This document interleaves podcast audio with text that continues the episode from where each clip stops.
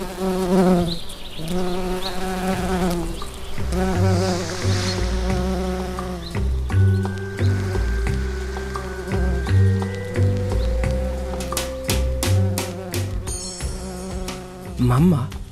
var världen svartvit när du var liten? frågade mina barn när de var små. Nej, kära barn, svarade jag då. Världen var gyllengul och grönskimrande, silvergrå och midnattsblå, röd och vit som sommarens första smultron. Färger hade vi i överflöd. Annat fanns det mindre av. Världen var en annan då. Jag heter Ulrika Bengts och jag är er sommarvärd idag. Välkomna till min tidsmaskin. Jag är ett barn av det tjugonde seklet. Inte för att jag själv hade någonting att säga till om, men om man nu prompt skulle födas till den här världen anser jag nog att ett av de bättre alternativen var att dimpa ner i en liten österbottnisk by vintern 1962. Det var en tid när världen bara kunde bli bättre. Det sargade efterkrigsfinland höll på att kravla sig på fötter. Det låg optimism i luften. Det är min generations goda fegåva.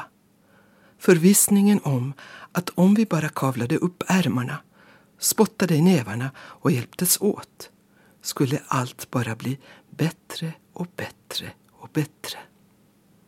Våra föräldrars levnadsstandard och därigenom vår egen skulle höjas. Hygienen skulle bli bättre. Alla skulle få egna deodoranter. Den proteinrika föda vi förplägades med skulle göra oss till den största och starkaste generationen någonsin.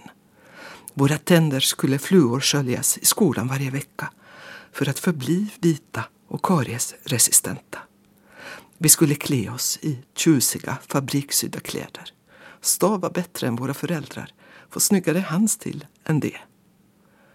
Vi skulle se världen, leva livet leva loppan rent av. Men om detta hade vi bara en aning, som skuggan av ett leende, där vi snusade i våra babylådor, skänkta av den knappt medelålders fru Finland. Eller drömde i våra barnvagnar, under häggen, syrenen eller äppelträdet, i väntan på att våra liv skulle börja. I början av 1960-talet bodde nästan hälften av Finlands befolkning på landsbygden. Om någon hade berättat det för mig när jag var barn hade jag blivit förvånad. För jag trodde ju att alla levde som vi och de andra i byn. På en gård med ett hus och en ladugård, kanske ett växthus. I en familj som ofta bestod av tre generationer där mellangenerationen i sitt anletes svett slet med djur och åkrar medan den äldsta generationen hade fullt sjå att springa efter den yngsta som i rasande takt utforskade världen så snabbt den kunde. Det var en värld där alla hade sina förutbestämda sysslor och fasta rutiner. Därför blev alla avbrott i vardagen betydelsefulla. Butiksbilen, till exempel. I min barndom rullade den in på vår gård tre gånger i veckan fastän vi hade en bybutik på ett par kilometers avstånd. Idag, när byarna är tömda på liv och landsbygdsbefolkningen har tiotals kilometer till närmaste supermarket förefaller den servicenivån smått otrolig. Butiksbilens ankomst var alltid ett äventyr. Inte minst för att expediterna var vackra unga kvinnor med höga tuperade frisyrer, svart kråkspark runt ögonen mattvitt läppstift och dinglande smycken.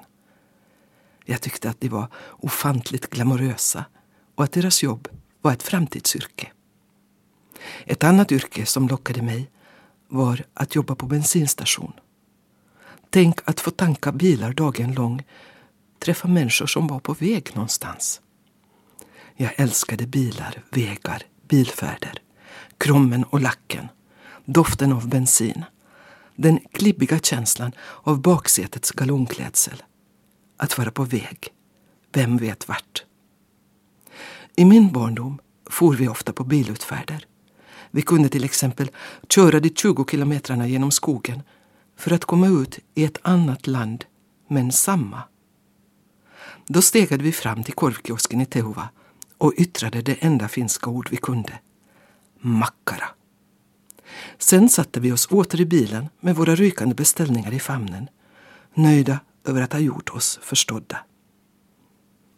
Annars präglades mitt förhållande till skogen av oro och misstänksamhet, vilket var en smula besvärligt eftersom vår gård låg i skogsbrynet. Med skogen som ryggstöd sträckte slätten ut sig som en amfiteater nedanför. Och längst där nere glittrade ån med sina kabbelekor. Skogen var tät och mörk, ogenomtränglig med sina granar och furor. Eftersom jag var uppfödd på bröderna Grimms sagor, där allt avgörande äger rum i skogen, Rödluvans möte med vargen, Snövits med skogvaktaren som ska skära ut hennes hjärta och gruvligast av allt, Hans och Gretas föräldrar som lockar sina barn på villovägar, inte bara en utan flera gånger, tyckte jag mig ha goda skäl till skogsskepsis.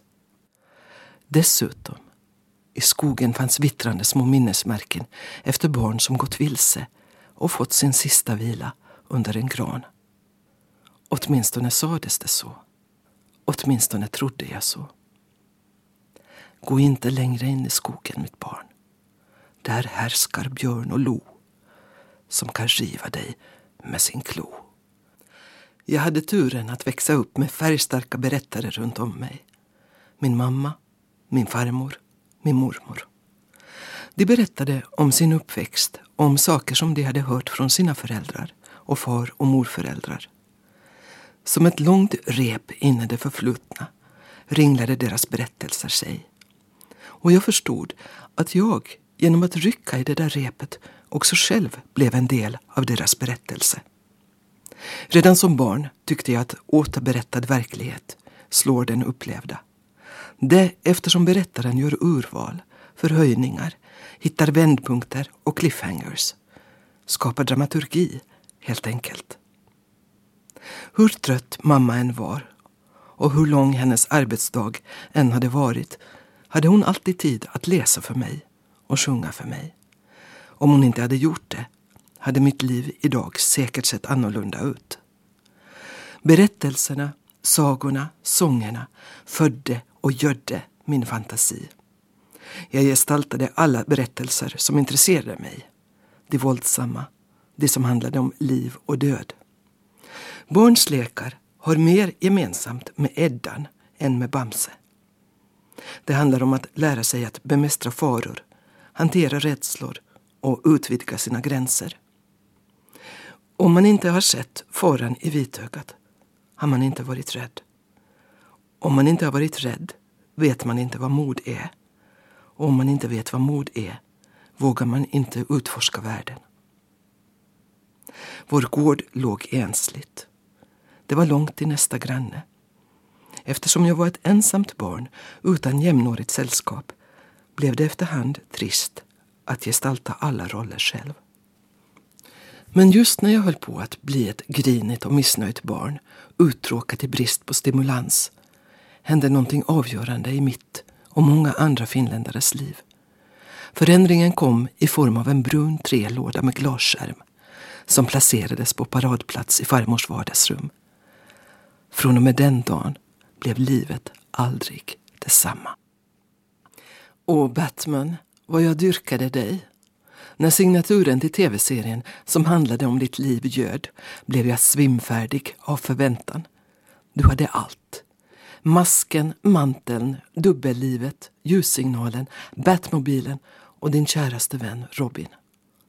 Jag förstod att ni två älskade varann men att er kärlek var hemlig och måste hållas gömd för världen. Dina sätt att lösa problem, att gripa in i rätt stund blev den största inspirationskällan till mina lekar. När jag lekte spelade jag inte dig. Jag var du. Men du gav mig också en ovälkommen insikt, Batman. Du gjorde mig medveten om mitt kön. Förstås var det inte du som gjorde det, utan omvärlden. Det var den som påpekade för mig att jag inte kunde vara Batman, inte ens Robin, eftersom jag var flicka. Jag tror inte att jag någonsin själv hade tänkt den tanken. Att mitt kön skulle hindra mig från att vara den jag ville, det jag hade lust att bli. Det var en ny och obehaglig tanke som utmynnade i frustrerad förvirring. Om jag inte kunde vara Batman och inte ens Robin, vem kunde jag vara då?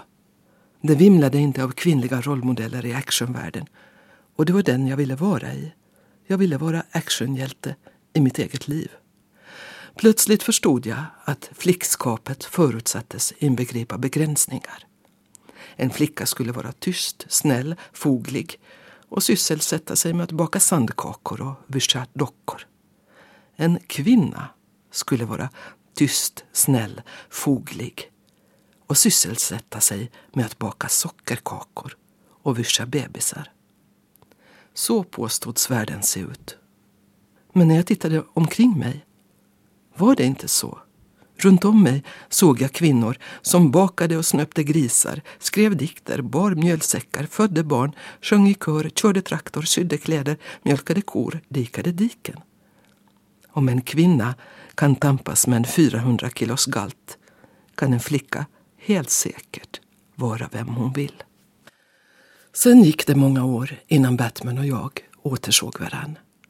Det var när jag i mitten av 80-talet bodde i Stockholm och min barndoms inspiration sändes i svensk tv. Det var fasansfullt. Det var billigt, parodiskt, slarvigt och sjaskigt, camp och medvetet löjligt. Och den där medelålders, lönnfeta mannen i illasittande trikåer som alltid verkade lite bakfull och knappt orkade gå, än mindre springa. Var han verkligen du, min barndomshjälte? Se aldrig om filmer eller tv-serier som präglat era unga år, mina barn. Det kan förstöra era liv i grunden. Men så mycket betyder ändå minnet av Batman för mig att jag blev lite starstruck när jag i höstas i Los Angeles mötte Harvey Jason som spelade skurk i serien. Mr Jason visade sig vara den mest kultiverade brittiska gentleman man kan tänka sig efter att ha lämnat sin film och tv-karriär driver han idag en bokhandel på en lummig innergård intill Sunset Boulevard i ett hus där The Doors i tiderna brukade repa. Och han diskuterar bra mycket hellre ovärderliga första upplagor än länge sedan glömda tv-serier. Jag heter Ulrika Bengts och jag är er sommarpratare idag. Vi befinner oss på en tidsresa för att försöka finna ledtrådar till varför vi blev som vi blev och varför världen idag ser ut som den gör. Min morfars mor, Edla Sofia, var född 1868 och dog vid 89 års ålder 1957. Hon var en berättartalang och älskade att läsa romaner och recitera dikter. Men när hon skulle underteckna dokument använde hon sitt bomärke under de få dagar hon fick gå i skola hann hon lära sig läsa, men inte skriva. Som hennes barnbarnsbarn har jag tagit igen utbildningsunderskottet med råge.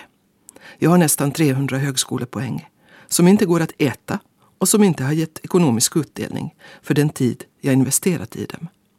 Men tro mig, jag värderar varenda en av dem. Att jag har kunnat studera så mycket som jag har velat har varit möjligt eftersom jag tillhör den första landsbygdsgenerationen som inte förutsattes ingå som arbetskraft på gården. Men framför allt för att det i min barndom fanns ett statligt rättvisetänkande som möjliggjorde att alla barn, oberoende av bakgrund, skulle ha rätt till samma grundutbildning. Liksom senare avgiftsfria högskolestudier, studielån och studiestöd. Jag tillhör den första grundskolegenerationen studentupprorets år, 1968, börjar jag skolan. Jag är sex år och har knäckt koden. Jag kan läsa. Och det jag har med mig i bagaget är bröderna Grimms sagor, Barnens bibel och Astrid Lindgrens samlade verk. Min uppfattning om skolgång var hämtad från 1800-talslitteraturen. Men jag mötte någonting helt annat. Grupparbeten, fria konstprojekt. Det var inte vad jag hade väntat mig, men åh vad jag gillade det. Sen jag lärt mig läsa läste jag allt jag kunde komma över. Jag tyckte att det var världens mest fantastiska sak. Att skriva så att den som läste det ryste av spänning och fasa, grät och skrattade såg personer, rum, rörelse, färger. Jag ville göra samma sak. Jag utsattes inte för någon smakfostran, vilket jag är innerligt tacksam över. Ingen mästrade mig med kommentarer om god respektive dålig litteratur. Utan jag fick ju själv göra min kvalitetsbedömning. Jag läste där jag gick och stod, bokstavligen. Jag har till exempel läst Alexandre Dumas, den äldres samlade verk, gående de två kilometrarna hem från skolbussen. Det tog över ett år och det gick lite vingligt. Emellanåt trillade jag i diket, men vad gjorde det när det var Bartolomé-natt i Paris? Om omvärlden förhöll sig lättvindigt till kvaliteten på mitt läsande var det inte samma sak med kvantiteten. Jag läste för mycket, tyckte man runt om mig. Idag kan jag förstå det jobbiga med att ha ett barn som alltid har näsan i en bok, okontaktbar. Men det fanns också en oro för att för mycket läsande är skadligt. I den praktiskt sinnade landsbygdsmiljö där jag växte upp fanns det en föreställning om att hjärnan bara kan ta in ett visst mått information. Om man försöker pressa in för mycket följer sjukdom, vansinne. Det viskades om studeranden, oftast kvinnor, som lämnat byn och kommit tillbaka brutna, sjuka. Hon läst så mycket så jag slog runt. En hjärna som vecklas ut i alla sina vindlingar är lika stor som täcket på en dubbelsäng. Så rent fysiologiskt är det inte utrymmesbrist det handlar om. Med ömhet tänker jag på forna tiders landsbygdsstuderanden som det slagit runt för. Vad de gått igenom. Spekelsen, umbärandena, pressen och förväntningarna. De förbannade förväntningarna. Det är 70-tal nu. Om 60-talet var citrongult, tuggummi rosa och swimmingpool turkos är 70-talet brunt och beige med stänk av orange. Om 60-talet var flamboyant, teatralt, lekfullt och oupphörligt estetiskt är 70-talet klumpigt, hemvävt. 70-talet är gillestugor i fur. 70-talet är midjekorta jackor och utställda byxben draperade över halvhöga gummistövlar. 70-talet är murarskjortor och snickarbyxor, midikjolar, maxikjolar, tättslutande polotröjor i banlån. Alla kön klädde sig i träskor med platå, också när de gick på diskotek. Både kvinnor och män lät sina hår växa sig så långa som möjligt. Männen sportade dessutom med skägg. Om det fanns någon ansiktshalva kvar att visa doldes den under överdimensionerade pilotglasögon. Det har under världshistoriens gång aldrig funnits ett årtionde som varit så i grunden oestetiskt som 70-talet. Jag har inte mycket till övers för decenniet i övrigt heller. Men så var det också min tonårstid. När människan är barn är hon en citronfjäril. Grann, snabb och lysande. Obruten i sitt jag. När hon blir tonåring förvandlas hon till en puppa.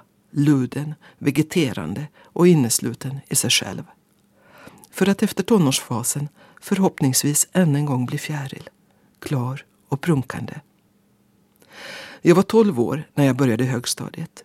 Med mittbenat, midjelångt hår. När jag ville vara för mig själv och det ville jag oftast, skakade jag fram håret framför ögonen. Om jag inte kunde se ut kunde heller ingen se in.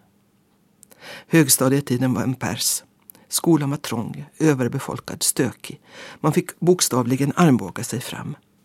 På rasterna satt vi på klipporna ovanför skolan och bultade in nitarna vi köpt hektovis i järnaffären längs sömmarna på våra jeans medan vi sneglade mot tuffingarna i rökrutan.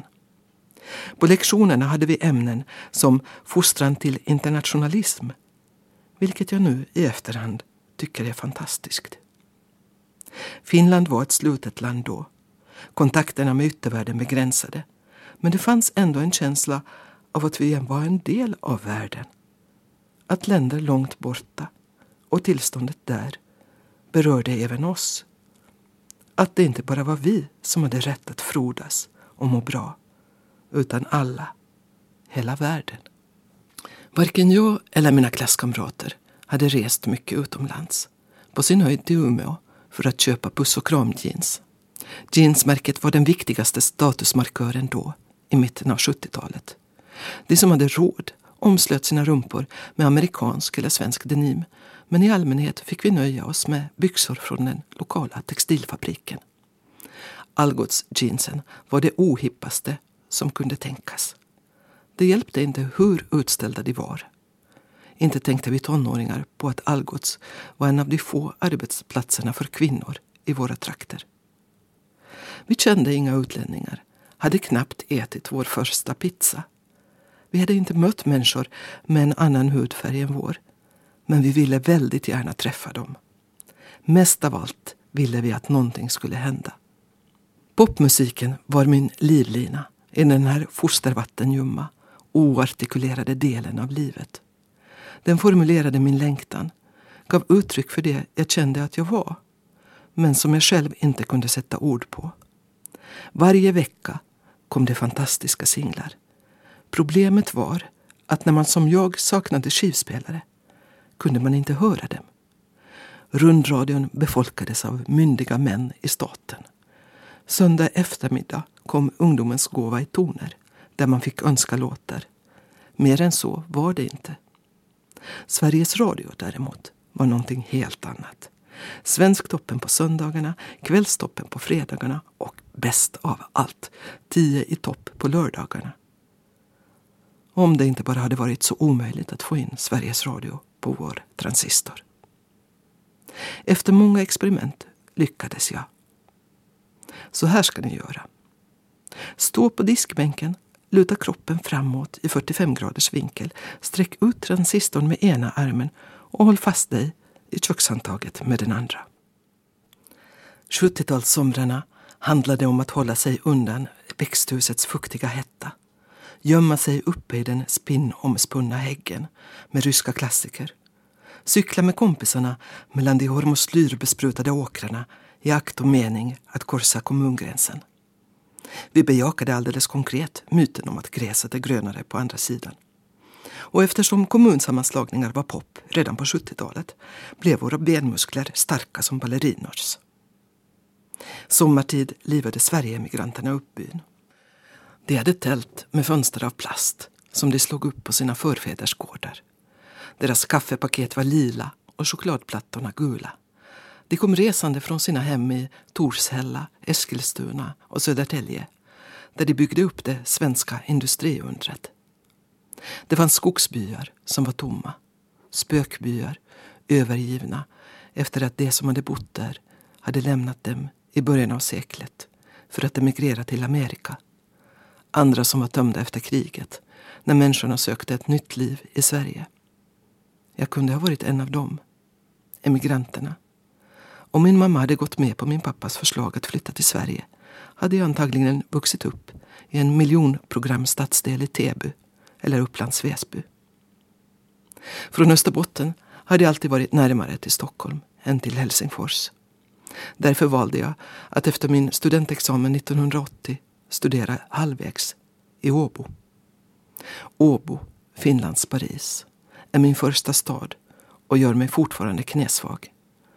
Där blev jag vuxen tillsammans med tusentals andra ungdomar omslutna av en doft av pastejer och köttpiroger till soundtracket av den punkmusik som med några års fördröjning nått även Finland. 80-talet gjorde människa av mig. Gnuggandet mot de andra, samtalen, umgänget, det var det jag behövde. Idag beskrivs 80-talet som en Gordon Gecko-tid fylld av girighet. Mitt 80-tal är ett annat. Det är avantgardistiskt, experimentellt.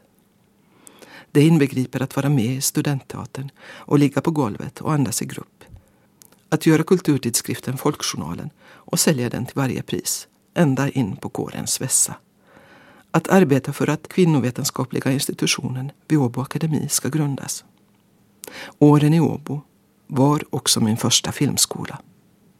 Varje måndagkväll visades det film i kårens festsal. Stan vimlade av biografer. Nästan varje månad spottade Fassbinder ur sig en ny film. Den elegiska skräckfilmsorgen i Murnaus Nosferatu och Tourniers I walked with a zombie vred om hjärtat på mig. När jag många år senare regisserade min första långfilm Iris ville jag göra en hommage till Tournier i en av drömsekvenserna. Huvudpersonen Iris anländer till Dödens ö i en flatbottnad eka. Genom en spricka i berget vandrar hon uppåt mot klipporna. Där sitter de döda bebisarna gestaltade av tonåringar i sina svepningar. Och utifrån havet närmar sig mammorna till de döda barnen stakande sig fram i båtar genom dimman. Ni hör ju hur fantastiskt det låter. Inspelningsplatsen låg längst ut på en svårtillgänglig udde. Vägen var så lång och smal att vi hade beslutit att transportera filmutrustningen med båt. Den dag vi ska filma regnade småspik. Regnet är tätt som en gardin. Vi kan inte ens ta ut utrustningen ur bilarna. Och på klipporna väntar 15 tonåringar, vitsminkade med pandaögon och korkskruvslockar iförda svepningar av flanelltyg som är fuktabsorberande som wettextrasor. När det spöregnat i tre timmar och inspelningsstarten är försenad lika länge ringer jag producenten. Han befinner sig vid samma hav, men på andra sidan, på en klippa där solen skiner. Vad ska vi göra? frågar jag honom. Tänk på vinterkriget, svarar han. Förr eller senare slutar det ändå alltid att regna. Nu är det sommar, underbar nordisk sommar. Så kort och därför så ljuv. Gå ut i världen med ett leende.